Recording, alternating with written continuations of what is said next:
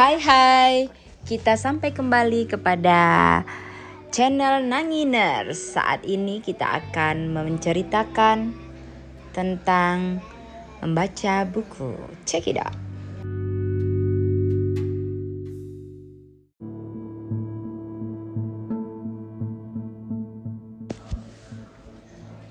Hari Buruk Tania oleh Dian Kristiani, ilustrasi oleh Arini. Rentang, cetak. Tania menendang kerikil-kerikil ungu yang menghalangi jalannya. Aduh, teriak Pak Tupai. Kepalanya benjol tertimpuk kerikil ungu. Tania tak peduli, dia terus melanjutkan langkahnya. Tania sedang kesal. Kesal sekali. Tania masuk ke rumah nenek Rosi. Rumah berwarna merah jambu itu selalu mampu menyenangkan hatinya. Kenapa kamu kesal? Nenek Rosi menyodorkan segelas teh stroberi. Tania mendengus. Kuping hidungnya kembang kempis seperti banteng menahan marah. Teman-temanku jahat semua. Tak ada yang mau membantuku. Padahal aku sedang punya masalah. Katanya mulai bercerita. Nenek Rosi mendengarkan keluhan Tania dengan sabar. Pagi ini air sumurku sedikit sekali. Aku tak bisa menimbanya. Aku menyuruh Bim Bim si peri air untuk mengisi gentong airku. Tapi Bim Bim menolak. Kisah Tania dengan mata melotot. Setelah Bimbi menolakku, aku pergi ke rumah Desi. Aku minta seember air padanya, tapi dia juga nggak mau. Nenek Rosi tak berkomentar. Lalu, akhirnya aku berusaha menimba air dari sumurku.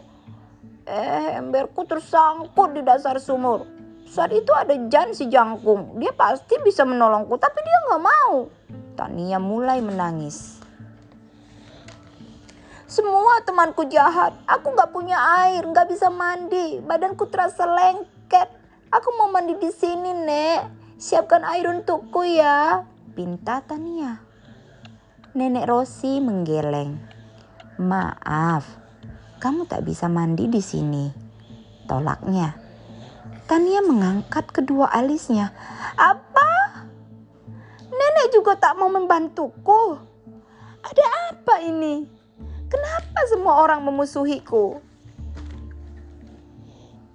Nenek Rosi menyeruput teh stroberinya. Coba ulangi permintaanmu dengan kata tolong, ujarnya. Tania tertegun. Tolong? Ah, rupanya itu kuncinya. Tania lupa mengatakan tolong saat meminta bantuan dari teman-temannya. Tanpa kata tolong, tentu teman-temannya merasa dia sedang memerintah mereka. Tania termenung dan tak lama kemudian dia berkata lirih, "Nek, bolehkah aku mandi di sini? Jika boleh, tolong siapkan air untukku ya." Nenek Rosi tersenyum. Nah, begitu lebih manis. Nenek yakin teman-temanmu akan menolongmu jika sikapmu semanis ini. Tania ikut tersenyum. Nanti dia akan menemui Jan si jangkung. Dia akan meminta tolong Jan untuk mengambil embernya yang tersangkut.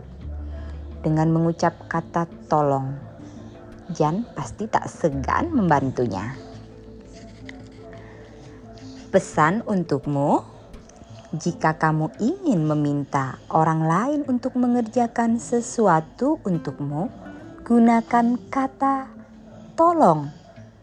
Orang akan senang membantu jika kamu meminta tolong dengan cara yang benar.